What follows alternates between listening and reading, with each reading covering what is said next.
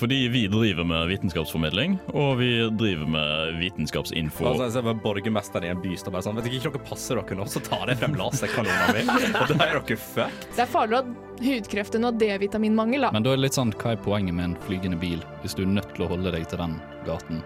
Det Jeg gleder meg til å vitenskape med dere. Du hører på Uillustrert vitenskap.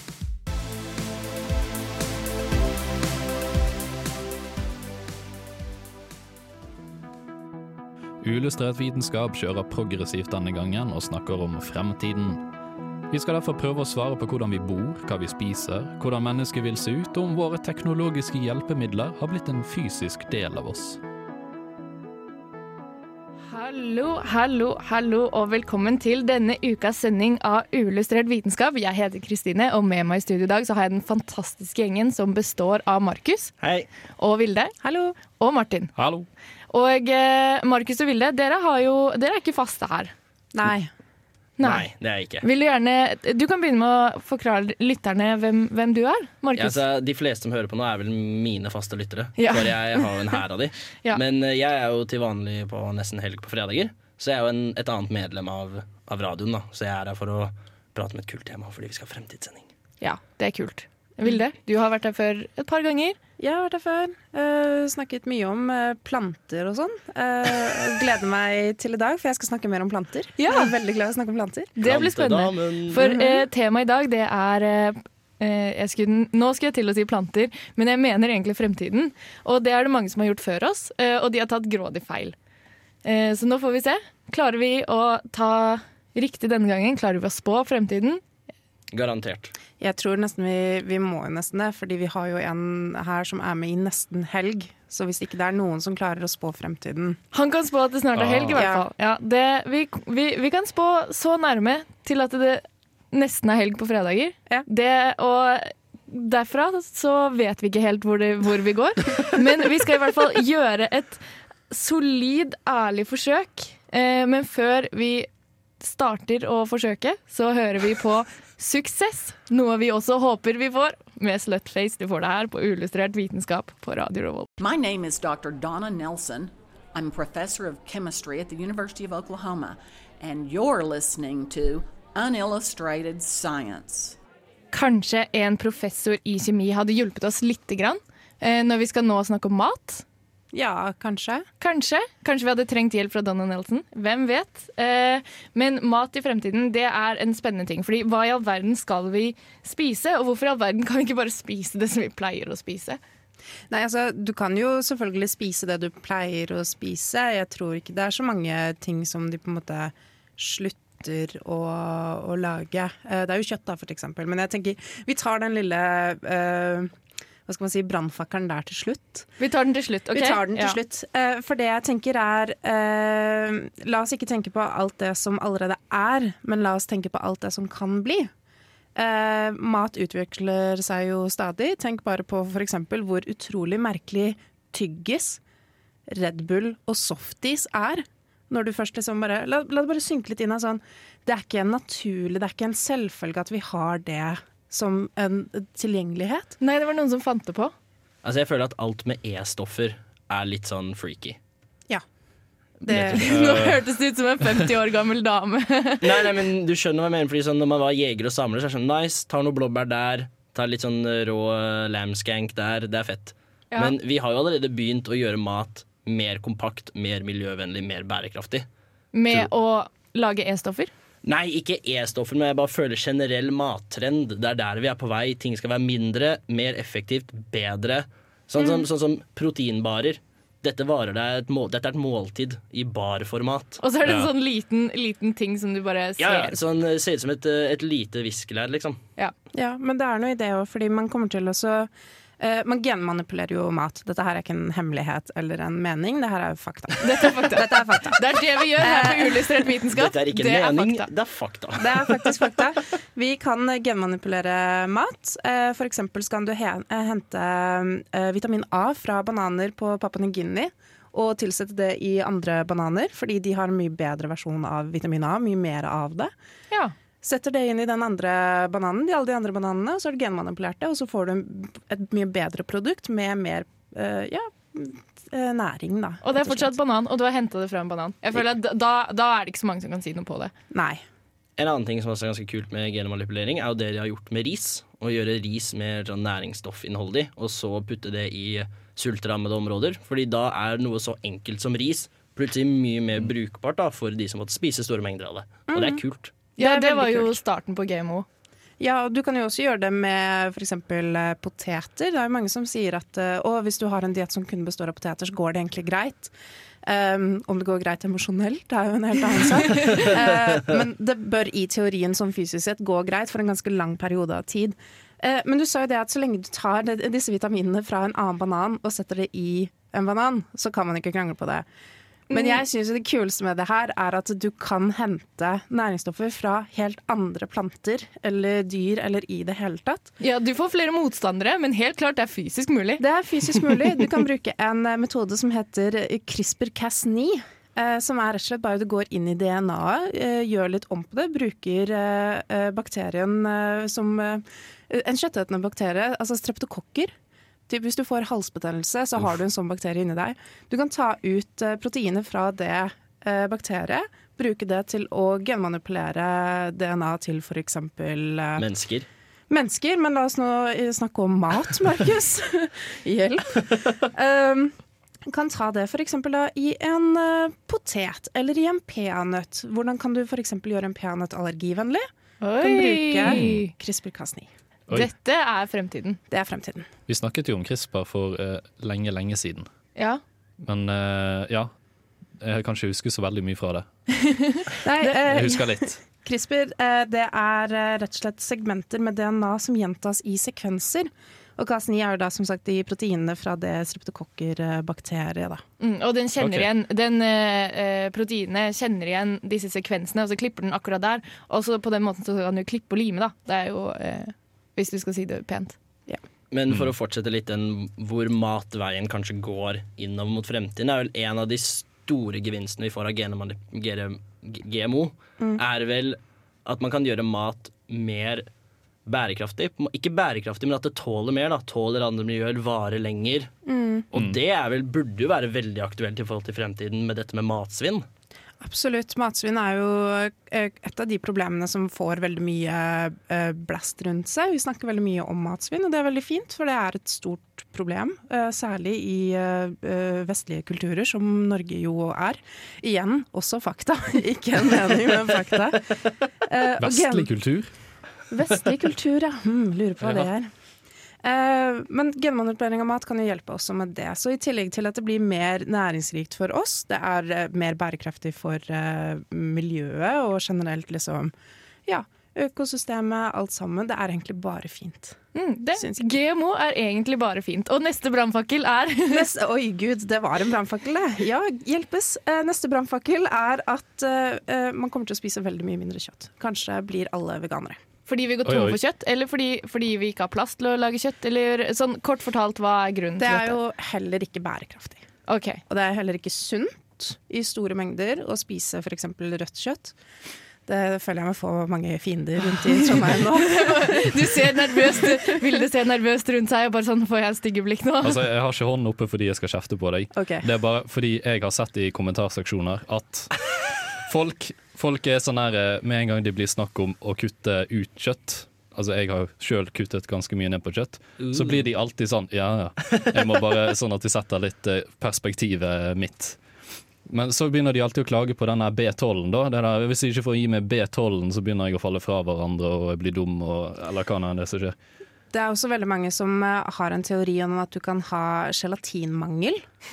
Oh, ja. Som medisinstudenten nå bare knekker seg i latter Unnskyld, men det var Er ikke gelatin det som gjør at gelé blir fast, Ja, og at det- bamsemums har et Ah. fast innhold og ikke rønnete? Jo, Så så er det det, blir- det er brusk og bein som er igjen Ja, etter det er griseknokler. Ja, Så du blir flytende hvis du ikke spiser kjøtt? jeg tror Det hadde vært litt- helt krise. Du vet jo at det er grunnen til at det regner så mye i Bergen. Det. Ah.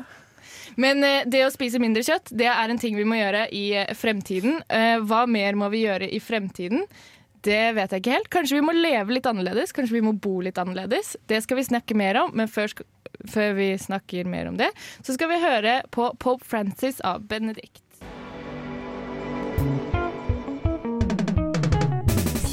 Isabella Fritz. And Evelyn Milburn. We research language in the brain at antenna And you're listening to Unillustrated Science at Radio Revolt.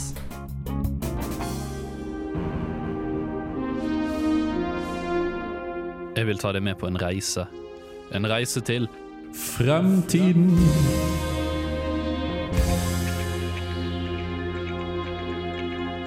Ja, en tid som alltid har fascinert oss, for er det noe vi vet mindre om i dag enn i morgen, så er det fremtiden.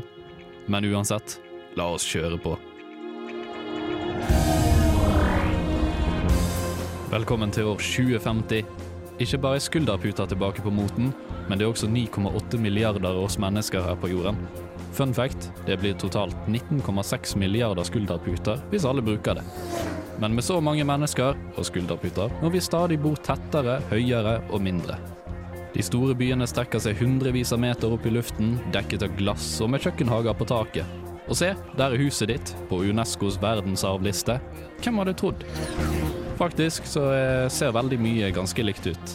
Altså når vi har en haug med 150 år gamle bygninger i byen nå, hvorfor ikke ha 180 år gamle bygninger her om 30 år? La oss ta turen ut av byen og ut på landet, som visstnok fortsatt eksisterer, med det supre kollektivtransportsystemet vi har. Det er så effektivt at vi nå har kun to fylker i Norge, Oslo og omegn. Fordi urban dyrking er nå ganske så utbredt, så er det ikke lenger unikt for folk på landet å klage over at de må stå opp klokken fem. By og land, endelig hand i hand. Og se, rånere som kjører rockabilly-tema og hører på danseband. Noen ting endrer seg aldri, antar jeg. Selvfølgelig så er ikke dette her en garantert fremtid. Som jeg må si, sånn at folk ikke skal ta dette fullstendig seriøst om 30 år. Altså, jeg mener nå. Eh, Men det er kanskje på tide å dra tilbake til vår egen tid.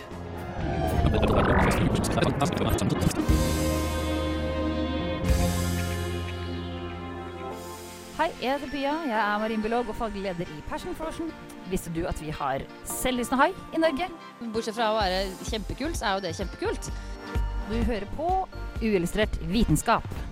Og bortsett fra å være kjempekult, så er jo det kjempekult. Og en annen Ja. ting som er kjempekult, er jo hvordan vi kommer til å leve i fremtiden. Eller jeg vet ikke om det er kult. Er det kult, Martin? Eh, Det kommer helt an på. Det er subjektivt. Fordi at eh, vi kommer til å leve litt eh, mindre, for å si det sånn. Mindre mener- som i Så, som i mindre hus, mindre leiligheter, holdt jeg på å si. Eh, mer, eh, mer tettpakket. Ja, det er jo på moten allerede. Det er jo det. det er jo det. Eh, så jeg gikk inn på internettet, eh, fant fram en National Geographic-greie der de skal prøve å se for seg hvordan fremtiden blir. Mm. Tenker Det her er jo National Geographic, det må jo være, det må jo være bra. Eh, det, er, det er en litt sånn eh, utopisk syn på fremtiden. Det er det ofte. Det er ofte det. Det er litt sånn eh, Byene er fordelt i liksom små seksjoner med store grøntområder mellom. Eh, Det er skal vi si, jordbruk rett ved, ved byene, det er jordbruk i byene, på takene. Det er, byen fungerer som en svamp som samler regnvann, så du kan bruke det om igjen. Og det- overalt, til og med på vinduene. Dette kan jeg jo leve med. Ja, ja, ja. Det er egentlig ikke så gale. Fordi det, det, er ikke sånn, det er ikke en sånn by som bare har gått ut. Det er ikke en sånn megaby. Jeg føler det er noe som du bare ser på Tumblr. Jeg føler det er for, for snilt å se for seg. For jeg, Ja. jeg kan ikke se for meg at det her er det som blir, da. Jeg kan liksom veldig fint se for meg at det skjer i New York, men hvis vi begynner å bevege oss bare ut i, i Midtvesten Jeg kan ikke se den der i Utah, liksom. Nei, nei, nei. Det, det er nok dyrt å styre på med. Så jeg tror de fleste byer vil nok bare utvide seg, Ja. på, sånn som de har gjort så langt. Bare, ja. Så det er liksom Det er sånn hyggelig sånn Å, sånn har vi lyst til at det skal bli. Og så i realiteten så kommer bare byene til å vokse sånn som de har gjort frem til nå. Ja, se for meg det. Ja, ja. Men det er jo det med mikrohus. Vi var jo på Vitenskapsmuseet eh, og titta litt, og der har de også sett for seg det med mikrohus. da. Mm. Eh, veldig små hus. Jeg vet ikke helt hvorfor de skal være så små. Jeg tror det handler om eh, Altså, veldig mye energi går i hus, og en del går i oppvarming.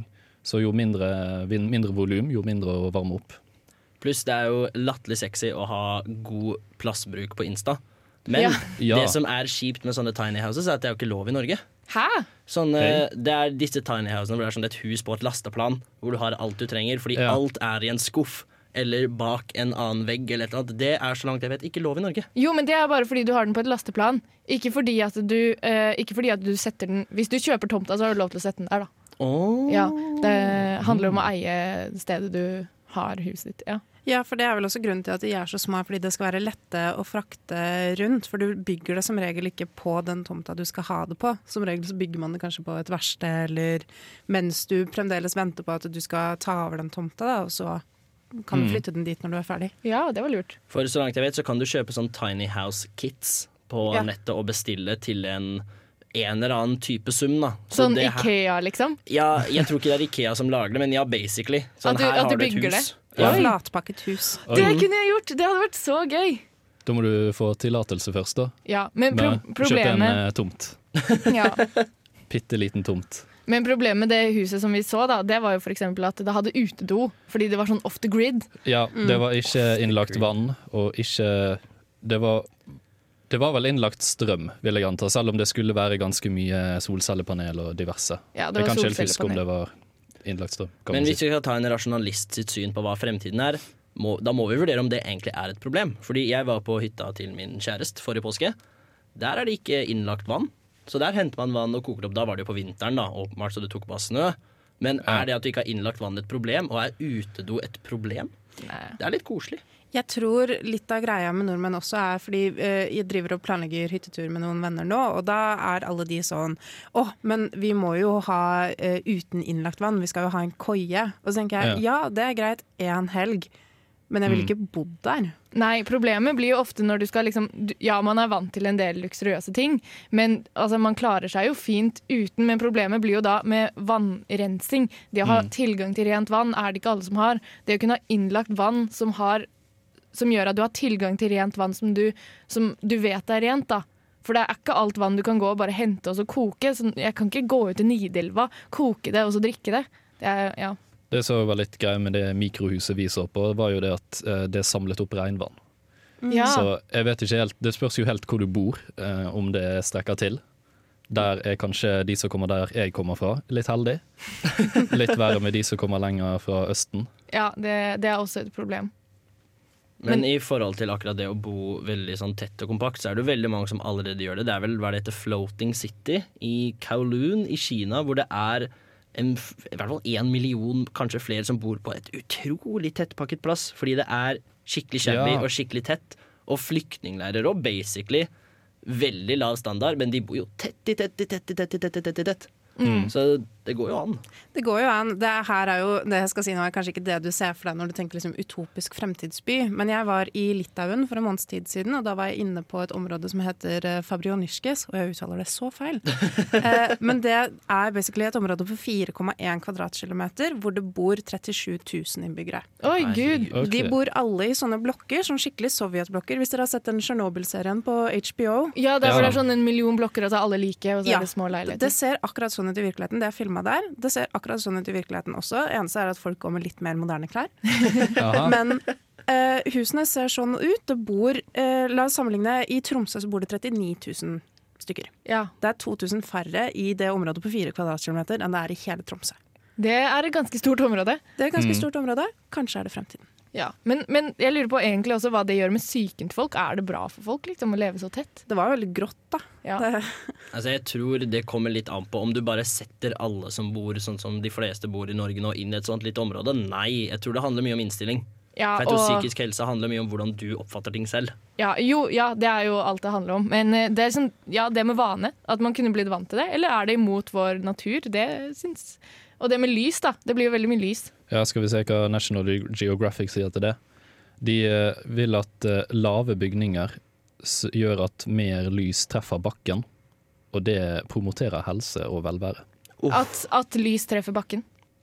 Det treffer da Eh, der hvor folk er ute, kanskje. Lys og luft. Og ja, ja, altså når du fra er på bakken, da. så er Ja. det bra at lyset treffer deg. Ja, skjønner. Det er ganske spennende.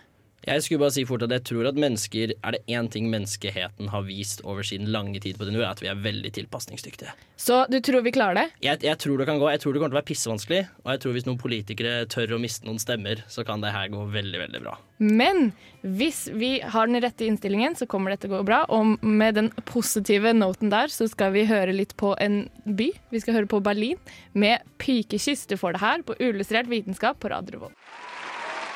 Uillustrert vitenskap er dritkule. Eh, Dere er det beste programmet ever. I love you guys. Hilsen super-hyperfan. Å, tusen takk, Tor Magnus. Vi er fan av deg. Og, og en ting vi også er fan av, er spørsmål. Og Vi fikk et spørsmål, og det er veldig lenge siden, men vi har ikke glemt deg, Lise. Eh, jeg skal lese opp nå spørsmålet, for hun lurte på at eh, hvis, hvis mennesker bosetter, øh, bosetter seg på en annen planet, eh, vil det da føre til at vi blir en ny art?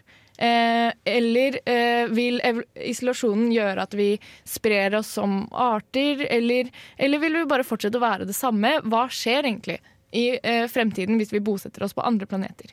Det spørs jo på taxfree-lovene, tenker jeg. Taxfree-lovene? Ja. Og hvordan, om vi kan handle der. Og, ja, fordi hvis ikke så ville vi jo ikke bosette oss der, faktisk. Nei. Og så hvis du tar bort de praktiske tingene som ja, er man emigrant, immigrant, kan man flykte til Mars, og så sånne ting. Hvis du fjerner det, så handler det om taxfree-en, tror jeg. Ja, OK. Eh, jeg har lyst til å ta fram litt vitenskap i dette. La oss dra fram det vi kan om evolusjon. Eh, og hva vet vi om evolusjon? Jo, eh, de som kan lage barn, de, driver, de får barn. Og disse barna driver disse genene til de som kan lage barn, videre. Eh, hvis du er død, uattraktiv, eh, syk og død i ung alder, så har du mindre sjanse for å få barn. Og da vil sannsynligvis disse sykdommene eller dødelige tingene eh, dø ut. Eller de som er sterke nok til å overleve det, overleve. Og så, hva har det med saken å gjøre? Jo, mm, vi reiser ut i eh, verdensrommet. Vi bosetter oss på en annen planet. Men du får ikke så mange mennesker inn i et romskip. Du får ikke hele jorda opp på Mars på samme tid. Eller hvis du drar til en planet som er enda lenger unna, hva skjer da? Jo, du har en liten gruppe mennesker som eh, skal eh, bo på denne planeten. Og den populasjonen som ender opp på planeten, er jo definert av det genetiske materialet til de menneskene som havna der først. Og det kan være helt annerledes enn det som er representativt på jordkloden. da. Men er det ikke også et spørsmål etter hvert da om at du må ha en såpass stor gruppe mennesker for at den gene pool på en måte skal overleve uten å begynne med incest og sånne ting? For etter hvert så er jo alle i familie med alle. Ja, ja altså, du må, jo, du må jo starte med en stor nok gruppe mennesker til at dette er forsvarlig å gjøre. Men hvis du sier du starter med 200-300 mennesker, da, så er du ganske dekka. Ja, ja, Sånn mot incest og sånne ting. Eh, altså, du har jo ikke all verdens valgmuligheter, men eh, du har Du har noe å velge mellom. La oss bare håpe ingen av dem er uh, uattraktive, for da, som statistikken viser, hvis du er stygg, Så- da så har du blir du mindre med. sjanse for å bli foreldre. Jo, men ta, La oss ta et realistisk scenario. da, at det, Den Det det. første planeten noen kan dra på, den er eh, veldig Det er dyrt, ikke sant? De som har råd til å dra dit, det er ofte folk som har mye penger. Det er folk fra en viss folke... Ja, demografi da, som velger å dra. Eh, alle disse menneskene som ender opp på denne planeten, de er i utgangspunktet ganske like. Eh, men det er kanskje ikke representativt for den gemene hop på jorda. Mm. Eh, og de kommer jo da selvfølgelig til å bli helt annerledes. Eh, det kommer de til å bli. Men om de da blir så annerledes at de blir en annen art, det er litt annerledes. Og det er, tatt, og det er uten av å ta i betraktning seleksjon som kommer av ytre påvirkninger på den andre jordkloden. Ja, for, for, for vil ikke Altså hvis, hvis de skal tilpasses miljøet, må ikke det jo bli ansett som attraktivt? Altså, Hva er det man trenger for Mars? Eh, blir det sånn at å, du, din reduserte muskelmasse og CO2-filtrering ser skikkelig sexy ut i denne her Mars-belysningen? Ja. For det er jo også en ting at eh, Hva som anses som vakkert eller tiltrekkende, endrer seg jo også. Har jo endret seg eh, siden mennesker begynte liksom å være oppmerksom på disse tingene. Mm. Se på skjønnhetsstandarden bare for ti år siden er jo helt annerledes enn det den er i dag. Ja, den er jo det. Og det er jo eh, mange som også mener at mennesker har sluttet å evolusjonere. Eller at menneskeutviklingen har sluttet å gå. Det er litt deprimerende å tenke på, faktisk. Fordi vi har så bra medisin at vi kan redde veldig mange som ellers ville dødd. Altså, det argumentet som brukes veldig ofte, er den derre Ja, men på Darwins tid så døde halvparten av barn eh, i, Storbritannia før de ble eh, 20. Det gjør de ikke nå lenger. Nå lever over 90 eh, til de er over 20. Og eh, da kan man jo i prinsippet lage barn. Eh, Men det har ikke satt en stopper for evolusjonen likevel, da vil jeg påstå. Nei, jeg skulle vel si, Er ikke det også evolusjon, bare at det er i en litt annen retning? Fordi vi har jo i stor grad konstruert menneskelig natur i akkurat det at ok, nå hvis du er født med rekke sykdommer eller funksjonshemninger, så kan du fortsatt få barn og formere deg videre ved hjelp av den nye, moderne menneskelige naturen. Mm. At det er flere muligheter, og det er jo evolusjon bare i en litt annen retning enn når vi fortsatt hadde vært eh, jegere og sankere. da. Mm. Ja, for jeg tror jo som spørsmålet til uh, Lise Lisa? Ja, noe sånt. Noe sånt. Jeg tror jo spørsmålet til uh, lytteren eh, eh, Det er viktig å presisere at det, det kommer jo ikke til å bli en ny art det, med en gang. Det kommer jo til å ta sinnssykt mange år. Ja, hvis det blir det, så tar det så sinnssykt lang tid. Altså, du ser jo det på de som immigrerte til øysamfunn for veldig lang tid siden. Altså, de levde der isolert i over 500 år, og de har fortsatt ikke blitt en ny art. Da, Mm. da må du begynne å snakke 100 000 og millioner og sånn. Jeg tror kanskje den største utviklingen man kommer til å se, og evolusjonsfronten, kommer til å være litt på det kulturelle. Som dere Ja. nevnte i stad, hvordan man lever, hva man vurderer. Hvordan man styrker seg sjæl, fordi man blir veldig isolert oppe på Mars eller planet X eller whatever. Og da, Det blir en veldig annen bosituasjon, da, fordi det handler om så mye annet. Ja, og jeg tror det er det er der evolusjonen kommer til å komme først og fremst. da. I hvordan vi velger å leve. Ja. Rett og slett. Ja. Det, det er jeg også egentlig ganske enig i. Det er så fint når vi er enige her på Ja. Vitenskap. Oi. Eh, men ja, for du har jo også det med eh, at man tilpasser seg jo etter tyngdekraften, etter oksygenforhold, men du blir jo ikke en annen art for det. Eksempel de som bor i høye områder har større neser, sånn at de får inn mer luft til å puste med. Eh, men det gjør dem ikke til en annen art, da. Så man kan hende de blir eh, en annen art. Sannsynligvis ikke helt ennå. Um, Spør oss igjen om 300 millioner år, Ja. så da, da, da kan vi begynne å snakke, da kan vi se tilbake på historien sånn. Men om de blir annerledes, helt klart.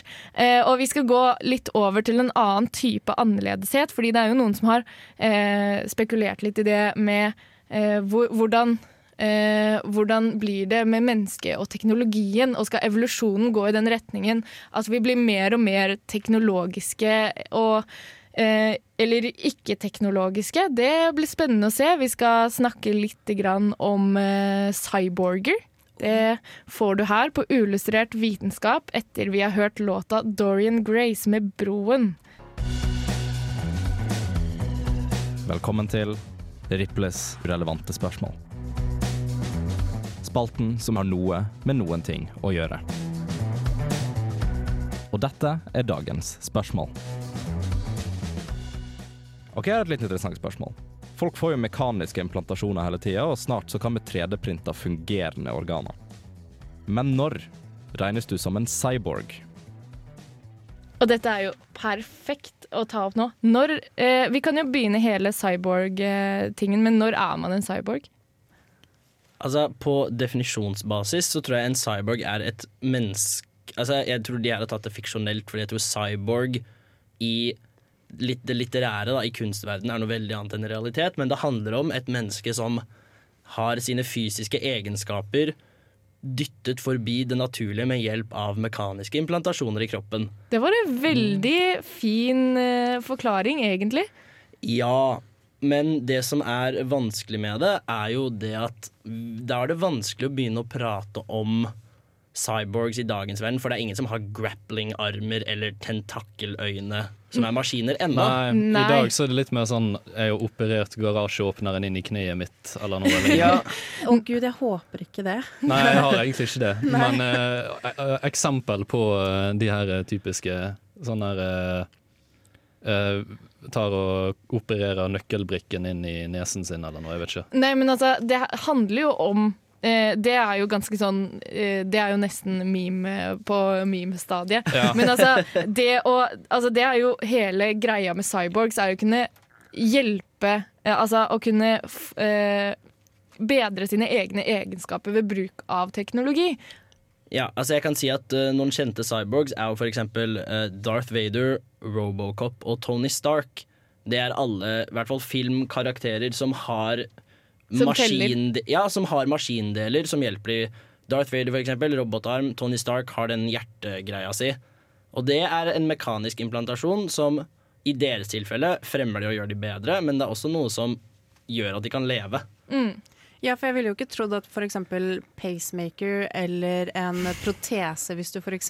har måttet amputere et bein, eller at det er jo folk som implanterer, eh, implanterer eh, nøklene sine i armen, sånn at de bare kan dytte borti låsen, og så kommer de inn. Det er jo steg én. Det er jo steg én, men jeg vil ikke kalle de cyborgs av den grunn. Nei. Men på definisjonsbasis, hvis vi går tilbake til det vi snakket om i stad med evolusjon, det at den nye menneskelige naturen gjør at mange flere overlever Kanskje noen må overleve ved å bli cyborgs, da. Ok, Hjertet mitt sprenger hvis jeg ikke har en maskin festa til det. Eller jeg kan ikke gå på to ben med mindre jeg har en protese.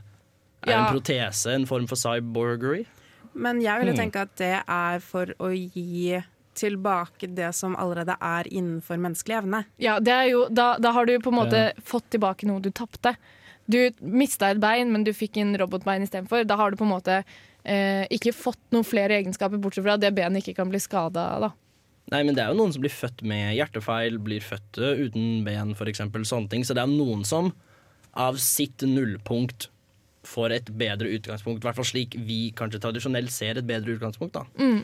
Jeg vil tenke det likevel er å på en måte legge det innenfor det som er menneskelig evne. Altså, nå tenker jeg ikke på individnivå, men som hva mennesker generelt eh, klarer å oppnå. Fordi jeg kan f.eks. ikke løpe veldig fort, men det er fremdeles menneskelig evne å kunne løpe veldig mye fortere enn det jeg kan, uten at vi trenger å diskutere akkurat det. Hvor fort du kan løpe. Nei, ja. Men jeg tenker mer på at cyborgs må jo være f.eks. hvis du sier at du får en protese fordi du har vært i en ulykke, må amputere beinet, så får du en protese, og inni den protesen så er det øh, eh, raketter som gjør at du kan fly. Ja, for da får du noe ekstra igjen. Da har du begynt med Mm. det ekstra. Men første bruken av ordet eller begrepet cyborg kom allerede på 1960. Og det var et par dudes som skrev en forskningsrapport. Og det de skrev for å definere det, var en organisme som har fått restored function or enhanced ability due to integration of some artificial component. Ok, Så da, da, da eh, regner de med både de som har fått tilbake noe Så alle de Ja. som går med protese, da, er cyborgs? I forhold, Hvis i den hvert er mekanisk og elektrisk Ja, og sånn? ifølge den definisjonen, da. Og Fra 60-tallet. Ja, og det er, den, det er den første bruken av cyborg. Det er noen som har fått tilbake funksjon, eller fått hevet funksjon på grunn av en eller annen form for hva blir artificial på norsk? Eh, Kunstig. Kunstig. Ja, en eller annen form for kunstig tilsetning i egen kropp, da. Hvor langt tror vi dette kommer til å gå? Det er spørsmålet. Ikke, ikke det er en sånn uh, retning, holdt jeg på å si. Noen folk som kaller seg transhumanister. Hva, hva vil det si?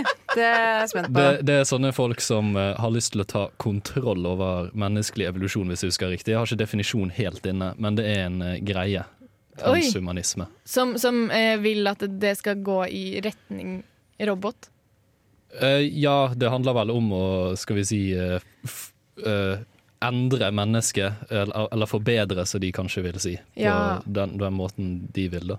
Det høres ut som plottet til en Disney-film. Det, det gjør jo faktisk det. Hva, De, jeg, de, jeg tar sko, og de, sto, det. de store gamle Nei, de store slemme skurkene. Men det er jo masse popkultur som tar for seg det her, og en skildring av hva som vil skje når denne på en måte cyborg-kulturen blir større, er at det blir noe for eliten. Ja, det blir jo for de som har råd til å betale for Ja, det. ikke sant? Sånn, OK, Kristine, du er medisinstudent. Uh, det er kult. Du har fått X-ray-øyne. Og Vilde, å, du er supersjef, så du har råd til sånne tentakelarmer. Og Martin, du tjente, du tjente mye penger på nettet, så nå har du tre meter lange ben. Oi da.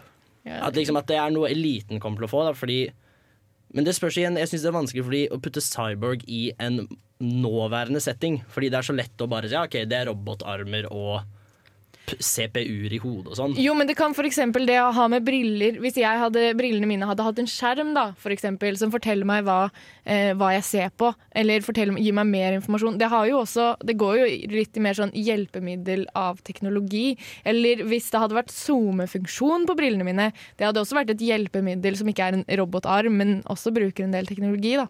Ja, men da vil jeg argumentere at du, da bruker du teknologi i hverdagen. Du er ikke teknologien du bruker. Ja, det er det ok, som er ja. en vilt forskjell der, nå føler jeg. Men si at øynene dine har en sommerfunksjon. Ja, hvis, hvis øynene mine hadde blitt sånn, Ja. så hadde jeg vært en cyborg. Det var ikke den laseroperasjonen jeg ville ha.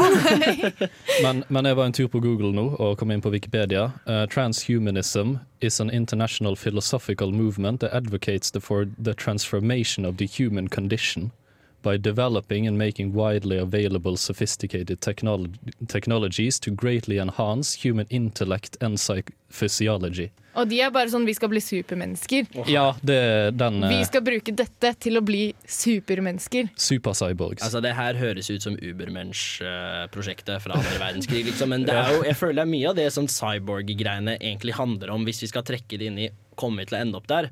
For Ja. det er jo ting som skal hjelpe oss, gjøre oss bedre, gi oss et bedre utgangspunkt enn man har før den kunstige innsetningen i egen kropp. Og det er ganske spennende, fordi vi gjør jo allerede det på mange plan nå. Se hva det er silikon i puppene, er det en form for cyborgery? Sånn, ja, altså At det går i den retningen. Det er jo Ja. en måte å prøve å forbedre seg selv på, og det er ikke helt uh, usannsynlig at det kommer til å også gå på, eh, på utseende, for vi vet jo allerede Dette er også fakta og ikke meninger, men at, men at uh, de som har penger, ofte endrer på utseendet sitt. Det var meninger.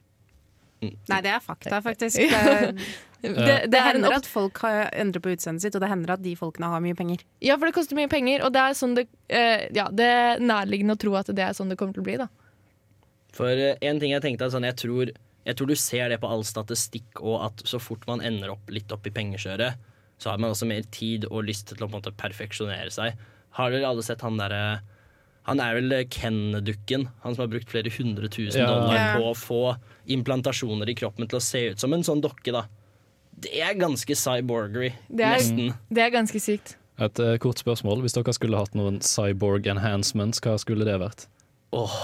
Da ville jeg eh, eh, amputert føttene mine, og så ville jeg satt inn raketter i stedet, men at de så ut som føtter. Og at liksom, Sånn at jeg kunne fly.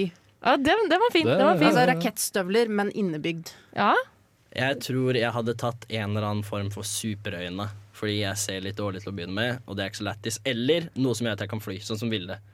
Å, nei, nei, nei, nei, nei, jeg vet det! Jeg skal ha to armer til. jeg, jeg, ja, jeg skal jo bli uh, ikke Hitmonchan, men uh, den ene Pokémon med fire armer.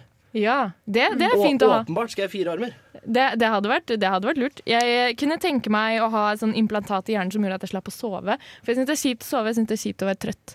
Du da, Martin? Eh, nei, jeg bor i syvende etasje, så det har vært litt morsomt å kunne bare hoppe og lande på fortauet og ha det helt bra, og deretter løpe til bussen. Sånn Ja. at de slipper å ta hele denne rundgangen ned trappen. Det er nydelig. Her har vi elitemenneskene i framtiden som bare kjøper eh, eh, cyborg-egenskaper på nettet. Eh, vi skal komme litt mer tilbake inn til virkeligheten, tror jeg. Men eh, før det så skal vi fortsette litt med Keep On av Courtney eh, Barnett. Dette er eh, fysiker, programleder eh, og fire ganger norgesmester i morellsteinspytting, Andreas Wahl. Det skjønte du på den introen. Og akkurat nå så lytter du til uillustrert vitenskap. Men det visste du forhåpentligvis.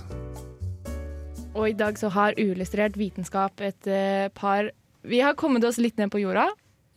Og nå Jeg fortalte jo at jeg og Martin var på dette, denne utstillingen på Vitenskapsmuseet, og her hadde de et par um, et par punkter som er sånn Dette må vi sannsynligvis gjøre i ganske nær fremtid, fordi at vi vet at vi kommer til å gå tom for uh, ting som uh, ofte ressurser og sånn. Og så skal jeg, tenkte jeg skulle lese de opp for dere, og så skal dere vurdere om dere syns det er eh, gjennomførbart eller ikke. eh, vi kan begynne med den første. Dusje fem minutter. Ha 18 grader som varmeste temperatur inne. Dele bil med naboen din. Reparere ting istedenfor å kjøpe nytt. Kjøpe ting i for, eller kjøpe opplevelser istedenfor ting. Leie klær. Og dyrke din egen mat. Jeg dusjer kun i tre minutter uansett, så jeg kaller humbug på hele lista. Da tar jeg de to minuttene som Markus uh, uh, har eh, til overs. sånn Og så at får du syv. Så kan jeg bruke syv. Ja, jeg synes godt naboen kan dele bilen sin med meg. Ja, selvfølgelig, fordi det er naboen som deler bilen sin med deg. En ting jeg synes var kult, er at den her høres veldig sånn miljøbærekraftig ut, den listen. Ja, altså, det var det fokuset var, da. det. Jeg synes det er kult, for det høres jo skikkelig koselig ut. Å Ja. ha et litt mer sånn tilnærming til det forbrukersamfunnet som vi er i, da, på en måte.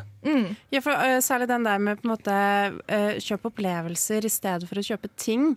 Den føler jeg veldig på uh, personlig, for sånn, jeg vil jo mye heller kunne gå og se en film eller ta toget hjem til foreldrene mine enn å ha stua mi full av drit. Jeg er helt enig, og det er liksom, kanskje det er der det går i retninga. Kanskje det er det som vi kommer til å oppleve, da, istedenfor cyborger, evolusjon på andre planeter og eh, det å eh, nå, Spise genmanipulerte planter. Og det å spise genmanipulert mat, ikke sant? det tar tid, men dette her det er ting som vi kommer til å oppleve i løpet av vår levetid. Eh, vi har ikke mer tid for uillustrert vitenskap i dag. Eh, vi har snakket om fremtiden, eh, og vi skal snakke mer i fremtiden. Hey! hey! du eh, finner oss på eh, Facebook. Send oss gjerne flere spørsmål som vi kan svare på. Vi digger det. Eh, finn oss også på Instagram og Radio Revolt sine nettsider. Gi oss en like, hør på de gamle episodene våre, og så snakkes vi plutselig igjen. Jeg har vært Kristine, og med meg i studio i dag så har jeg hatt Martin. Ha det bra. Jeg har hatt med Vilde. Ha det. Og jeg har hatt med Markus. Sjohei. Og jeg har eh, vært Kristine. Du har lyttet til en podkast på Radio Revolt, studentradioen i Trondheim. Sjekk ut flere programmer på radiorevolt.no.